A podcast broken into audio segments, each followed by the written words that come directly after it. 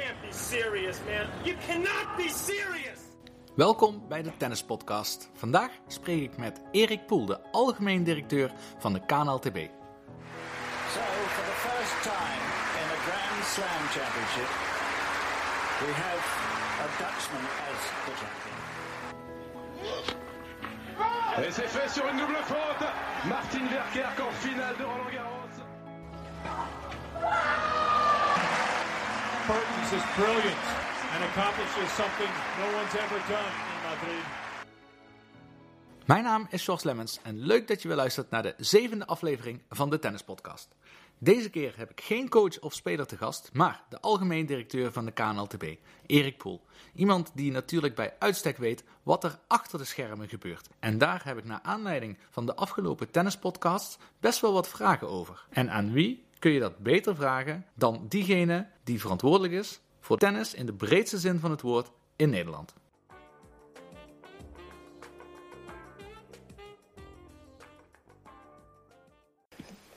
Nou, vandaag in de tennispodcast de gast eh, Erik Poel. Erik, van harte welkom in de tennispodcast. Dankjewel, leuk om erbij te zijn. Mooi. Ik heb eh, binnen de KNLTB eigenlijk van een bron vernomen dat jij de Nederlandse Michael Chang bent op de, golf, of de tennisbaan. Klopt dat?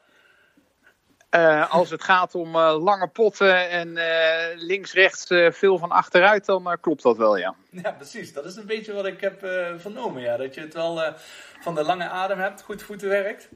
Ja, ja, ja dat, is, dat wordt wel minder naarmate de jaren gaan tellen. Maar nee, het is, dat klopt wel, ja. Wat, wat kun je ons vertellen over jouw tennisachtergrond of je tenniscarrière?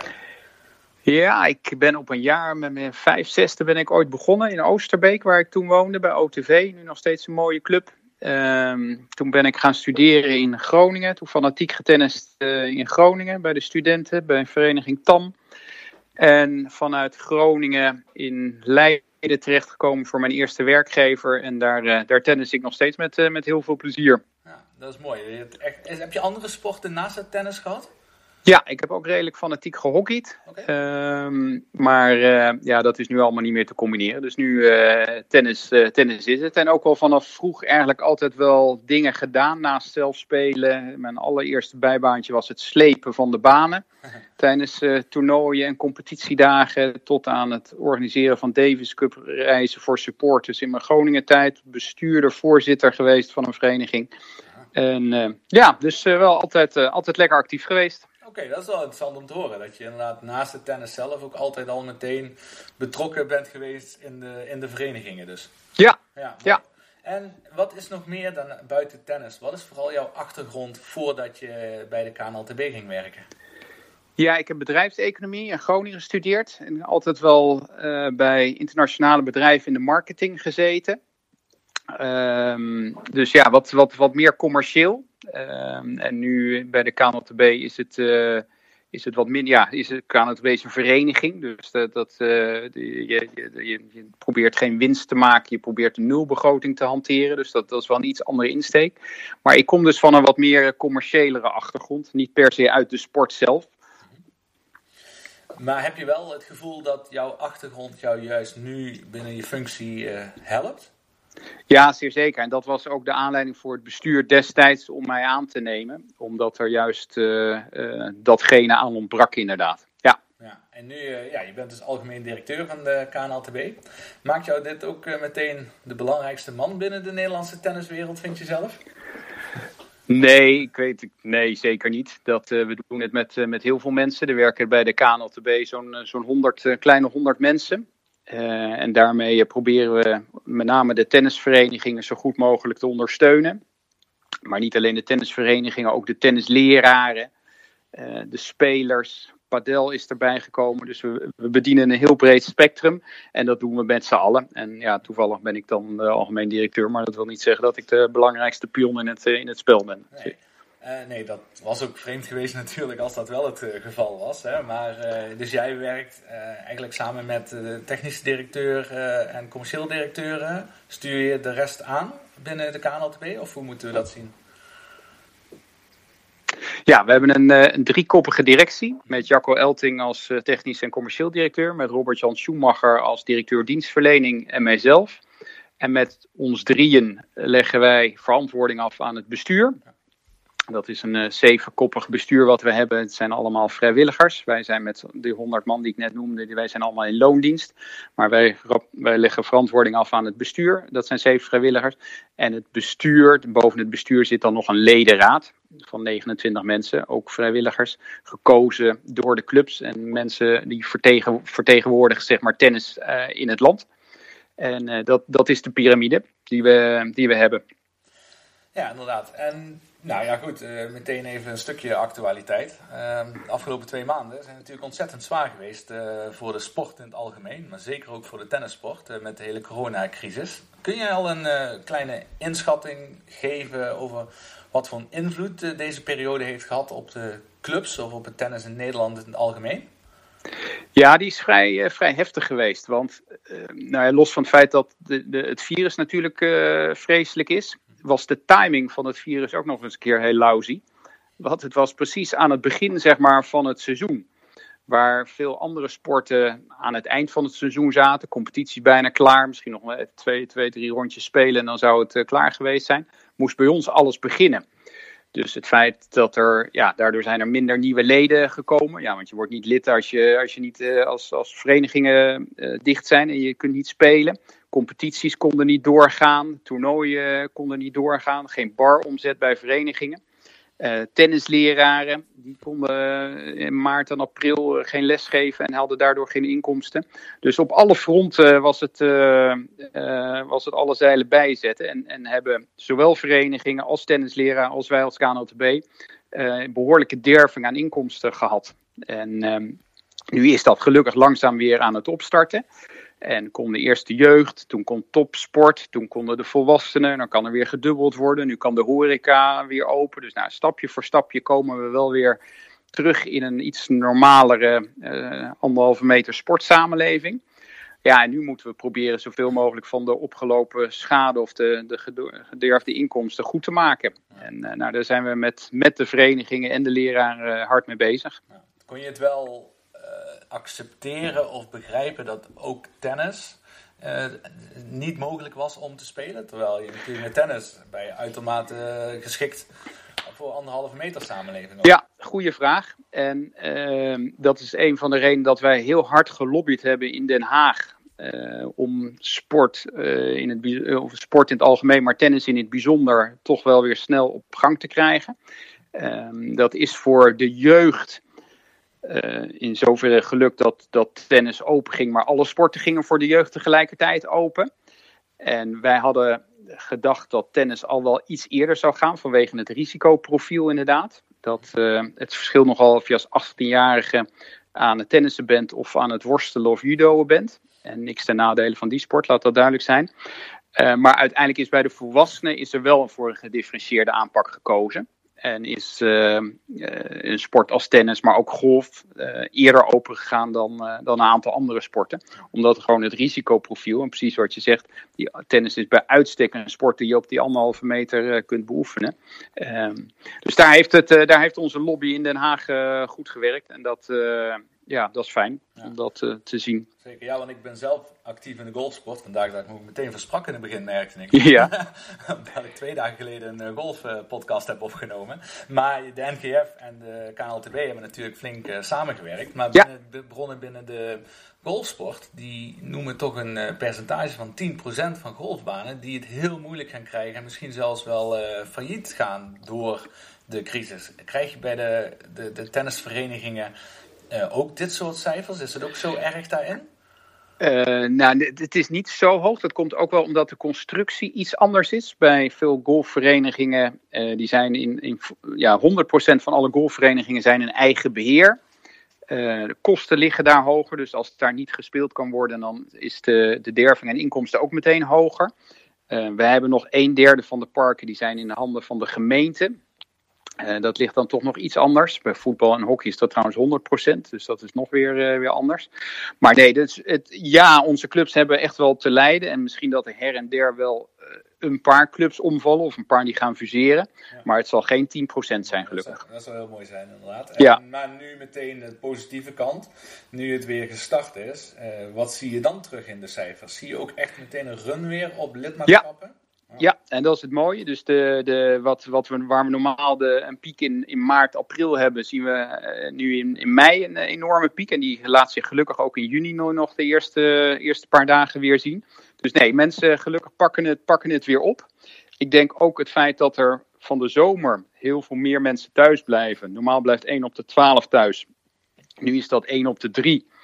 Uh, ja, dat betekent dat er, uh, dat, dat, er, dat er ook meer gesport gaat worden in eigen land. Dus ik denk dat dat ook voor de verenigingen een, uh, een, een, mooie bijkomstigheid is. Dus er zo, mensen zijn minder op pad en, en gaan meer sporten. Nou, en nogmaals, tennis is bij uitstek een sport die je kan doen. Dus ik denk dat tennis daar en de verenigingen daar enorm van gaan profiteren. Ja, ja dat denk ik ook. Hè? Dat, precies wat je zegt, je bent al en de eerste sport die meteen mogelijk was.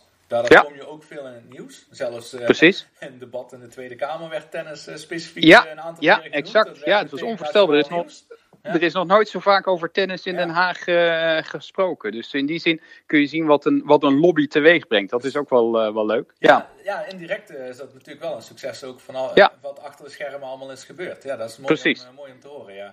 Ehm, en dan is nu de truc natuurlijk, alle mensen die willen starten, die zul je proberen vast te houden.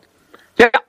Ja, en dat doen we op een aantal manieren. Eh, we, via onze accountmanagers. We hebben 10 accountmanagers die bedienen de 1650 tennisverenigingen in Nederland.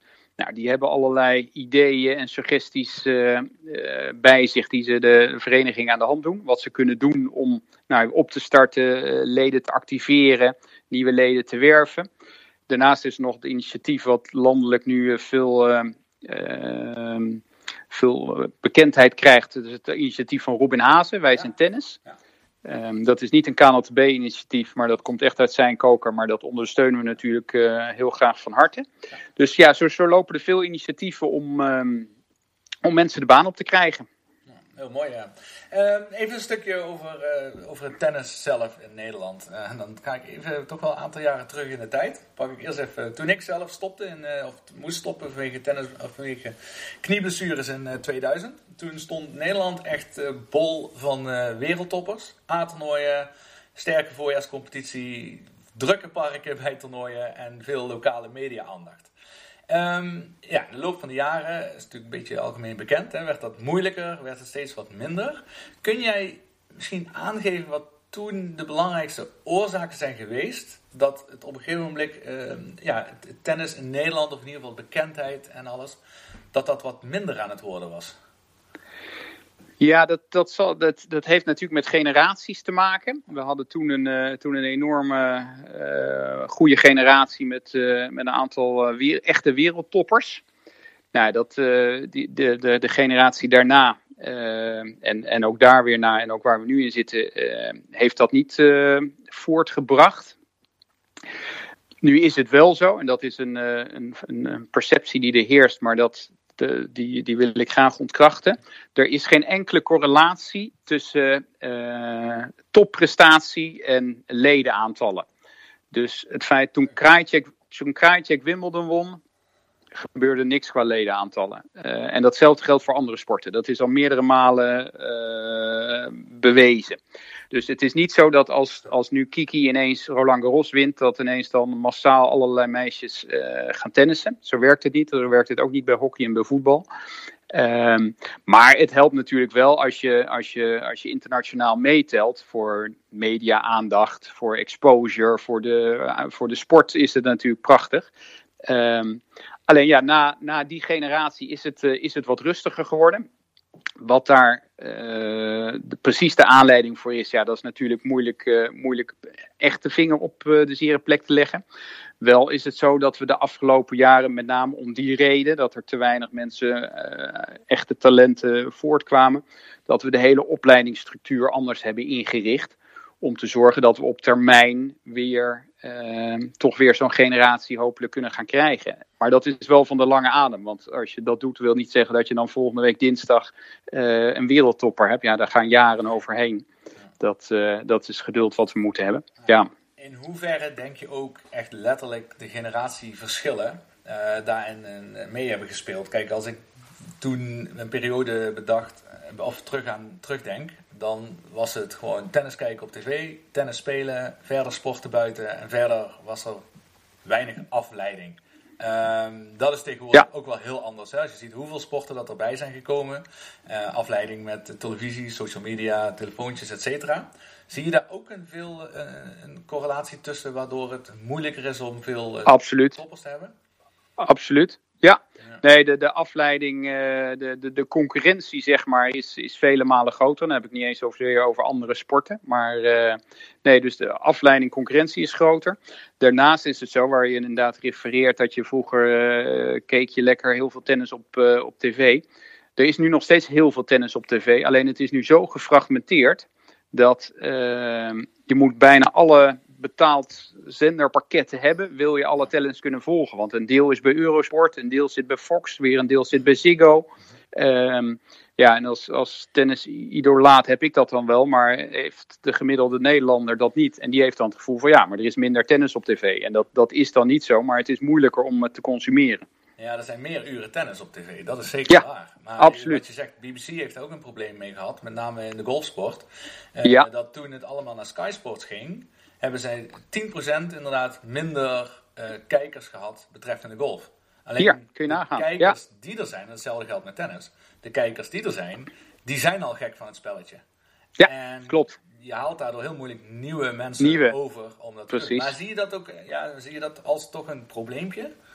Nou, dat is, dat is, ja, dat is, dat is zeker een probleem. En ehm eh, we hebben onlangs onze nieuw strategisch meerjarenplan geschreven. Ja. En een van de, van de dingen die daarin in naar voren komt, is dat wij eh, wat meer eigen content willen gaan, eh, gaan maken. Om eh, mensen wat, wat meer met tennis in aanraking te laten komen. Want als wij van al die betaalpakketten afhankelijk zijn, ja, dan is het moeilijk om de gemiddelde tennisfan van eh, alle tennisnieuws te voorzien, wat we, wat we ze graag zouden willen voorschotelen. En dan kijk je ook vooral eh, naar wat de nieuwe generatie kijkt. Dus je kijkt veel naar, bedoelt veel vlogs, eh, YouTube, Ja, dat soort ja, content. nee, je precies. Ja. precies. Ja. En daar probeer je ze mee te pakken, ja. En als je dan nog, eh, ook nog eens terug, kijk ook nog wel eens terug eh, in het verleden inderdaad van waarom dat het toen zo succesvol was. Wat daar vooraf ging, waarom opeens zoveel eh, toppers er waren. Of is dat echt een andere wereld? Nou, het, het, het is een andere wereld, desalniettemin kunnen we er wel veel van leren. Ehm, net zozeer als dat we van andere landen bijvoorbeeld heel veel kunnen leren. Dus wij, wij, hebben, wij doen heel veel zogenaamde benchmarks in andere landen. Niet alleen op het gebied van topsport hoor, maar ook op het gebied van het spelen van competitie. Of hoe ga je met oudere tennis om, ik noem maar wat. Eh, dus wij hebben heel veel contact met, eh, met andere landen om te kijken hoe zij dingen daar doen. We hebben ook heel veel landen die bij ons komen kijken, met name voor de competitie. Men is altijd jaloers hoe groot onze competitie is. Maar dus nee, dus wij, wij, kijken, wij kijken zeer zeker waar kunnen wij dingen anders doen, beter doen. En als je het relateert aan die, die generatie eh, eind, eh, eind 90, begin, eh, begin 2000.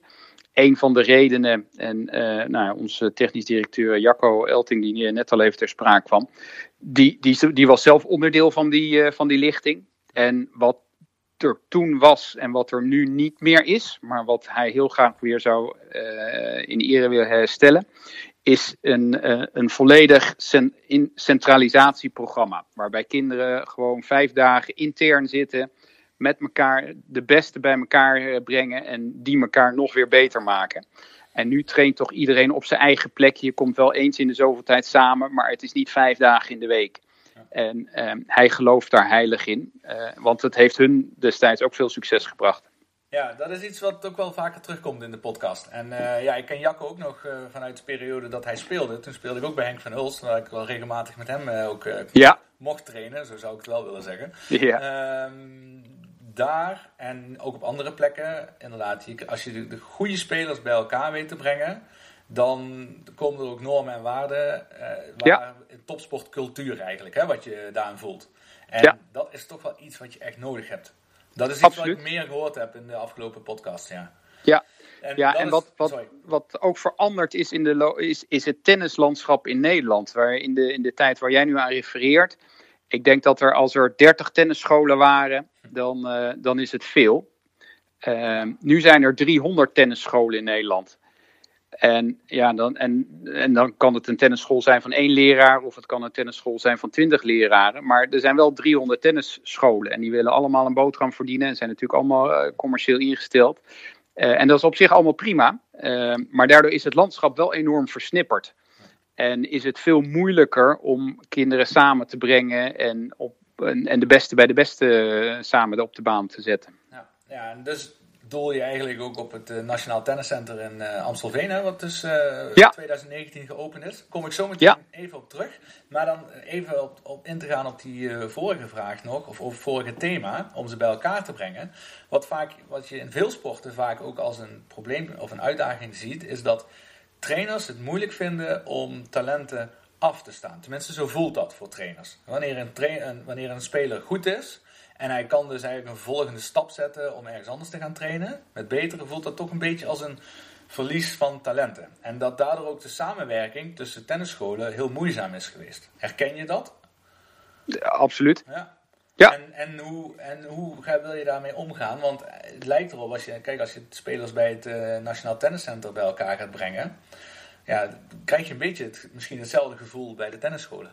Ja, nou, het, het, het, toen ik kwam, een aantal jaar geleden bij KNTB, toen hadden wij zelf nog regio, regio's waarin wij training gaven. Toen hadden we KNTB-trainers in het land, die verzorgden uh, de bondsjeugdopleiding.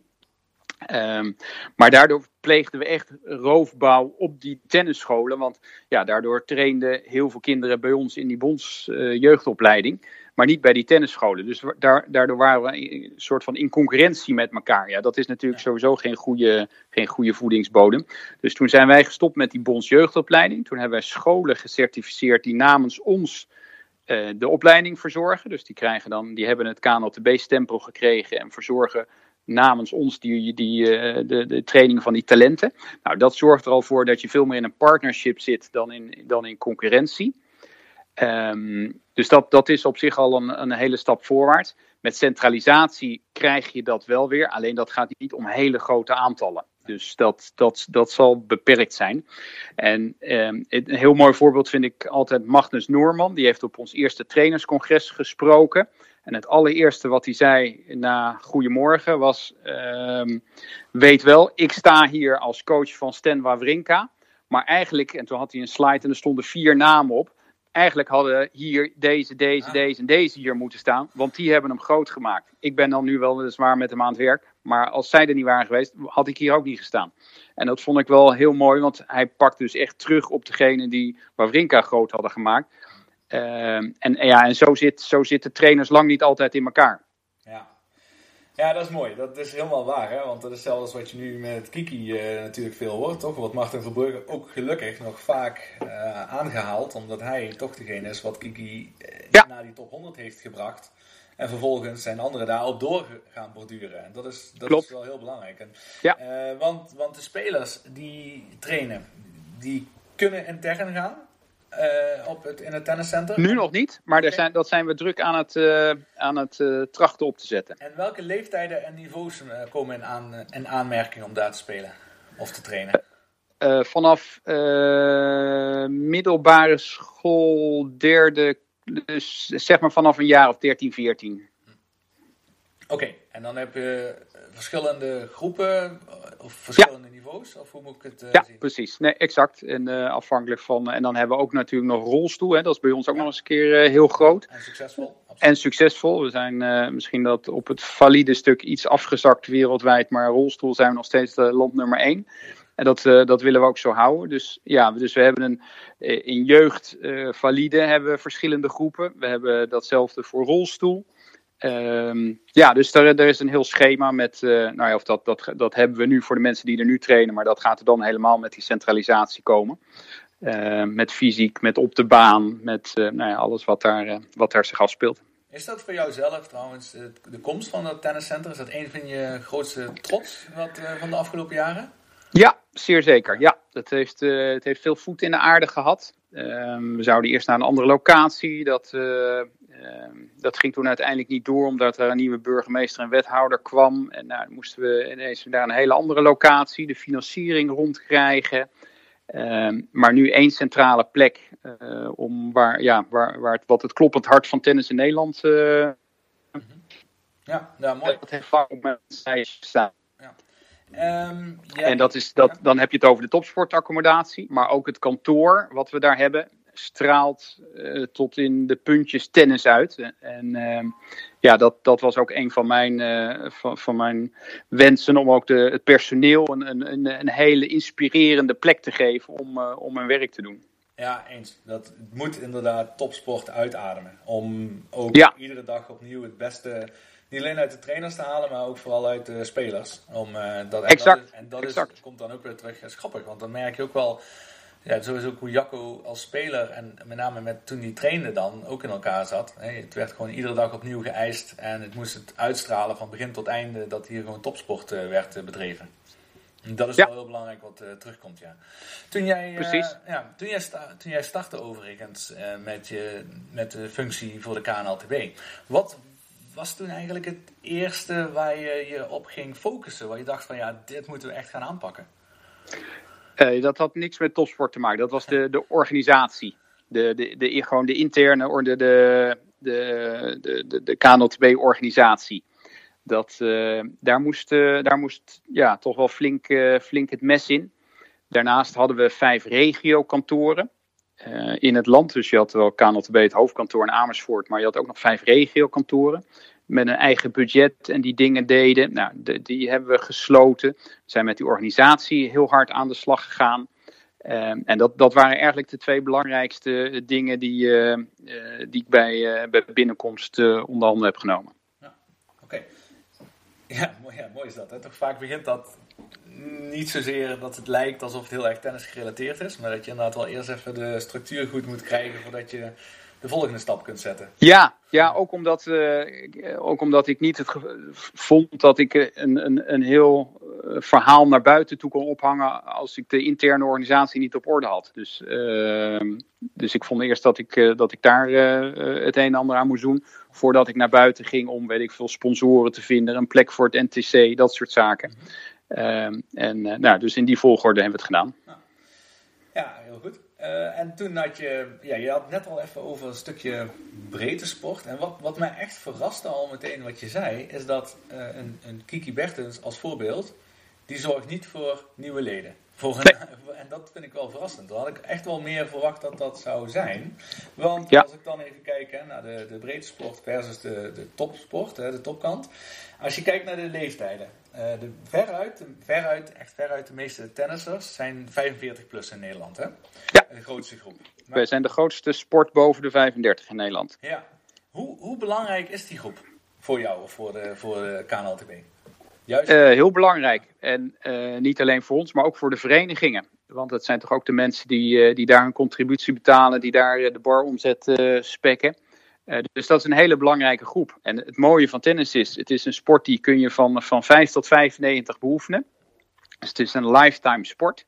Dat zien we ook. We zien, we zien veel jeugd instromen. Die haakt uh, meestal rond de 18e even een paar jaar af studeren. dan komen ze weer terug of, of nog iets later als ze weer een, een baan en een gezin hebben. Dus heel veel herintreders. En vanaf 35, 40, uh, die leeftijd, dan, dan zit er weer een enorme stijging in.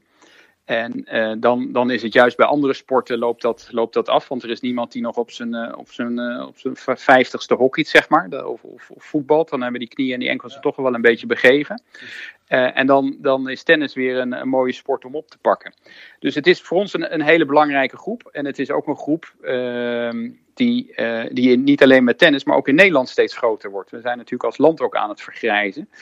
En ja, we proberen, en dan gaat het verder dan tennis, mensen ook wel in beweging te krijgen en te houden. Om gewoon vanuit gezondheidsperspectieven, dat was ook in dat hele corona vraagstuk. Uh, ja, er mocht niet gesport worden, maar juist sport is belangrijk om te kunnen bewegen, om fit te blijven, om weerstand op te bouwen. En ja, naarmate je ouder wordt, is dat natuurlijk ook steeds belangrijker. Dus we, we proberen met name ook die groep 45 plus via allerlei programma's uh, aan het tennissen te houden. Om te zorgen dat ze zo lang mogelijk uh, fit en, uh, en plezier hebben. Ja. En daarbij, deze groep, denk ik, is ook heel belangrijk voor uh, ja, het financiële hè, van de KNLP. Om, de, om, het, om het, de tennissport ook gezond te houden en de clubs in leven te houden. En hier komen ook heel veel uh, vrijwilligers uit. Die echt het hart van de precies. blijven, volgen, ja. blijven vormen. En dan, um, ja precies, en dan van daaruit iets wat ik eerlijk gezegd ook niet echt wist van tevoren. Is dat er ook een enorme grote groep is tegenwoordig die geen lid meer wordt, maar dat een soort van vrije tennissers zijn die dan een baantje af en toe huren. Hoe belangrijk is die groep aan het worden voor jullie? Ja, die is ook steeds belangrijker aan het worden. Uh, inderdaad, de vrije tennisser, uh, precies zoals je het uh, omschrijft. Dat is ook zo'n groep van zo'n 300.000 tot 400.000 tennissers. Um, dat zijn mensen die minimaal één keer in de maand spelen, want anders sta je niet te boek als tennisser. Dat is de minimale frequentie, één keer in de maand. En ja, die boeken of een, in de winter een, een, een baantje in een commercieel centrum. Want dan weten ze, uh, joh, ik uh, dinsdagavond uh, 8 tot 9 vast uurtje. Um, of het zijn mensen die zeggen, joh, maar ik, ik zit helemaal niet op die bardienst te wachten. Ik wil die verplichtingen niet. Ik, ik betaal wel gewoon op de keren dat ik speel. Um, dat, dat kan, dan ben je meer klant dan lid, wat mij betreft. Hè. Dan, uh, dan, het soort van pay as you play. Maar dan, dan doe je niet je verenigingstaken. Ben je inderdaad geen vrijwilliger waar je net aan refereerde. Maar dat is wel een groep die, uh, die groter wordt. En niet alleen binnen tennis, maar gewoon de, de ongebonden sporter wordt steeds groter. En um, daar, daar zijn we wel naar aan het kijken. Kijk, wij zijn in eerste instantie wel voor de tennisverenigingen. Maar we helpen de tennisvereniging natuurlijk ook als we die ongebonden tennisser een gebonden tennisser op de manier kunnen laten worden. Dus uh, we, hebben in onze, we hebben onze statuten ook wat opgerekt. Uh, toen ik een paar jaar geleden kwam, toen waren wij er voor de tennisverenigingen, punt. Toen hebben we al gezegd, nou, laten we ook voor de tennisser van die tennisvereniging er zijn. Dus toen hadden we hem al iets ruimer gepakt. Toen hebben we gezegd, we zijn er voor tennis. En, en daarmee hebben we dus eigenlijk ook die ongebonden uh, sporter, ongebonden tennisser uh, binnen onze verantwoordelijkheid genomen. Omdat wij vinden, ja, dat is zo'n grote groep en wij kunnen daar echt veel voor betekenen. En we zijn nu bijvoorbeeld voor padel, dat is een mooi voorbeeld. Daar zijn wij de, de padelboeker aan het ontwikkelen. Waarbij mensen die ergens een, een, een, padelbaantje willen, willen huren, niet per se ergens lid zijn, misschien ook nog vier racketjes en wat ballen erbij, kunnen zeggen: Oké, nou, ik wil in, uh, in Eindhoven vanmiddag om drie uur eens even kijken. Nou, online boeken. En op die manier vraag en aanbod, want dat aanbod komt wel van die verenigingen. Hoe kunnen wij uh, vraag en aanbod beter op elkaar laten aansluiten? En dat, uh, daarmee voldoen we weer aan de behoeften van die ongebonden tennisser of padeller. Dan denk ik naar een belangrijk punt wat je er ook aangeeft, is dat je wel altijd moet blijven proberen om de, van de vrije tennisser ook een verenigingstennisser te kunnen, uiteindelijk te kunnen maken, toch? Uiteraard, ja. uiteraard. En er is een, een, een, groep die dat nooit zal willen. Nee. Uh, gewoon omdat die, die uh, per definitie dat niet willen. Maar er zijn zeker een aantal, en uh, die, die voorbeelden kennen we gelukkig ook, van mensen die, die vinden het zo leuk. Of die zeggen, ja, maar het, is het meerwaarde van zo'n lidmaatschap, dat je ook toch wel je toernooitjes en je competitie kan spelen. Dat je les krijgt van een gelicenseerde trainer. Het sociale aspect, ja, dat telt inmiddels zo. Ja, oké, okay, nou dan weet je, nu word ik toch ook maar lid. En dan hebben we nog als de, de laatste doelgroep waar ik nog even over met je wil hebben, is natuurlijk de jeugd. Um, ja hoeveel energie wordt er relatief gestoken in het, uh, in het aanwas van nieuwe jeugd? Nou, laat ik zo zeggen, in, in jeugd, los even van de aanwas, in jeugd ja. wordt ontzettend veel energie gestoken. Dat is onze belangrijkste doelgroep, is ook ons belangrijkste uh, project. Um, omdat wij zien dat jeugd, uh, nou ja, jeugd heeft de toekomst, maar is natuurlijk ook belangrijk voor topsport. Dus hoe breder de trechter uh, is qua jeugd, des te groter is de kans ook dat daar talentjes uit voortkomen. Het is voor een vereniging, als iemand eenmaal getennist heeft en ondanks het feit dat hij dan misschien op enig moment even stopt, de kans dat hij daarna toch weer gaat tennissen is heel groot. Dus hoe meer kinderen we aan het tennissen krijgen, hoe, hoe beter dat is. Ja, we doen dat op een aantal manieren. De grootste aanwas, bron van aanwas is schooltennis. Wij verzorgen op, op heel veel scholen in samenwerking met de leraar vaak van de plaatselijke tennisvereniging uh, de gymlessen. Dat kan zijn de gymles op school of de gymles die wordt voor dat uur verplaatst naar de tennisvereniging, waar dan in plaats van een uur apenkooien uh, een uur uh, getennist wordt.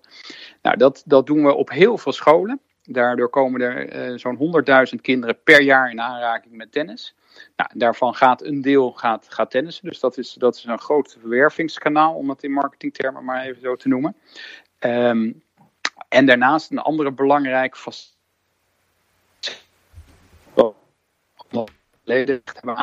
is het feit dat eh, kinderen als ze lid worden van een tennisvereniging ook automatisch in een team zitten, wedstrijdjes spelen, les krijgen. Het was tot voor kort eigenlijk heel raar, maar je, je werd als kind lid van een tennisvereniging. Nou, dat was het dan. Je had geen les, want daar moet je apart voor opgeven. Maar ja, dat wisten papa en mama niet. Je zit niet in een team, want ook daar moest je apart voor opgeven. Maar ja, die was net geweest, die ronde voor de voorjaarscompetitie. En ja, en dan ben je lid en dan, dan, dan niks. Dat is zo raar. Er is geen andere sport. Je gaat ook niet voetballen en hockeyen voor die ene training op dinsdagavond. Nee, dat doe je omdat je dan in een leuk team en dan heb je die wedstrijdje in het weekend. En um, we hadden een paar filmpjes laten opnemen voor, uh, om dit wat meer onder de aandacht te brengen. Toen hadden we kinderen gevraagd, joh, op welke sport zit jij? En toen zeiden die kinderen, ik zit op tennisles. Nou, dat is zo, zo wat we niet willen. Daar spreekt heel weinig enthousiasme en lol uit. En dat is dat plichtmatige uurtje dan misschien op donderdagmiddag waar ze dan heen moeten. Maar dat, dat is het dan. Ja, en wij willen dat kinderen weer op tennis zitten. En niet op tennisles. En dat betekent ook dat ze wedstrijdjes moeten spelen, dat ze in een team zitten. Dus we hebben tennis alles in één geïntroduceerd.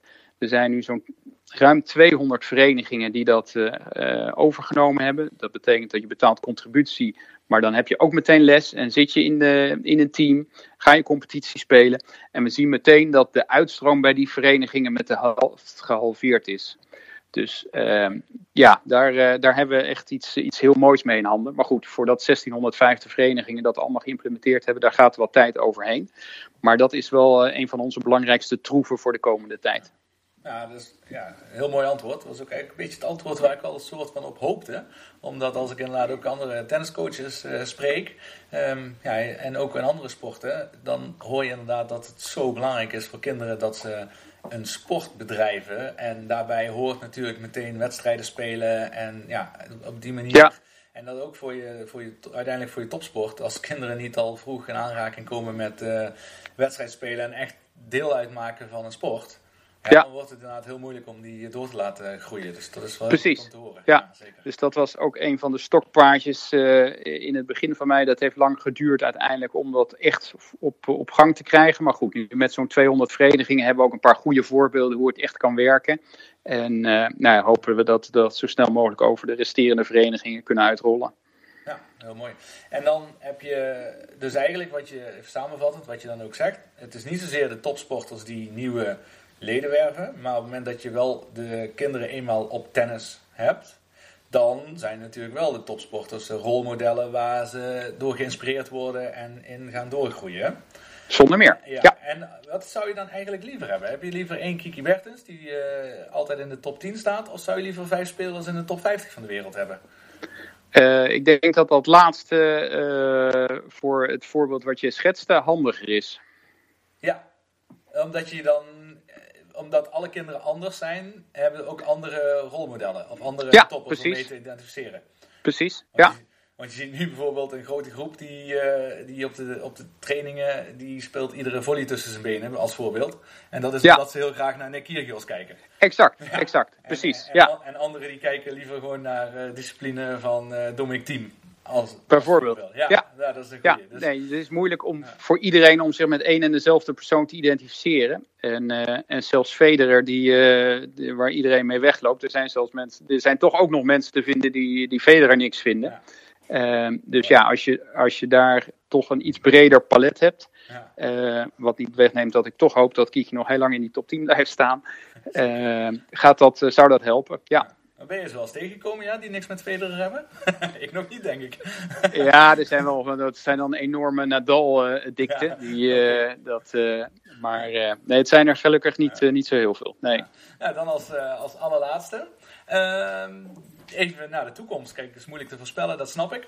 maar wanneer we elkaar over tien jaar weer zouden spreken. Wanneer, wanneer ben je dan echt tevreden? Um, ja, dan moeten er een aantal dingen... Uh, eh, toch wel weer eh, verder eh, in de stijger staan dan dat dat nu is.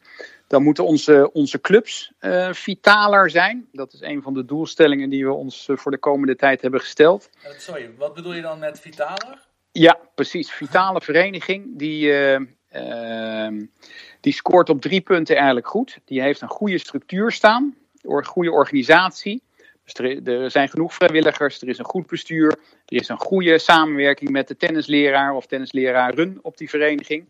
Vaak zien we dat daar nog een, eh, dat, dat die weinig of niet met elkaar in contact zijn, terwijl dat de twee belangrijkste groepen op die vereniging zijn. Dus de organisatie, de structuur moet staan op een vereniging. Eh, de accommodatie moet goed zijn. Zijn de banen goed? Sluit het aan bij het beleid wat je wil hebben, wat je, de, de, de ambities die je hebt? Eh, ga je voor duurzaamheid? Nou, rondom accommodatie zijn veel dingen, de thema's te bedenken. En de derde, eh, dat is de minst tastbare, maar misschien wel de belangrijkste, is cultuur. Eh, hoe maak je van clubcultuur clubgevoel? En als, als je als vereniging op deze drie aspecten, dus structuur, organisatie, accommodatie en cultuur, uh, als je daar goed scoort, dan, dan doe je het als vereniging goed. En dan ben je stabiel in je leden of je bent zelfs aan het stijgen. Dat zien wij op alle, op alle fronten. Uh, en wij zouden graag het percentage vitale clubs omhoog willen uh, krijgen. En daar werken we hard aan met onze accountmanagers en allerlei plannen. Maar dat is in ieder geval een doelstelling voor de komende jaren. Jeugd is een hele belangrijke. Uh, waar we het net al over hadden. Uh, dat moeten we verder uitbreiden met, met tennis alles in één. Moeten meer wedstrijdjes gespeeld worden. Um, dat, uh, dat zeker. Padel is een belangrijke. We zitten midden in de fusie met de NPB, de Nederlandse Padelbond. Stukken liggen nu ter inzage, dus het is een kwestie van tijd. Maar over een paar weken zijn we officieel gefuseerd.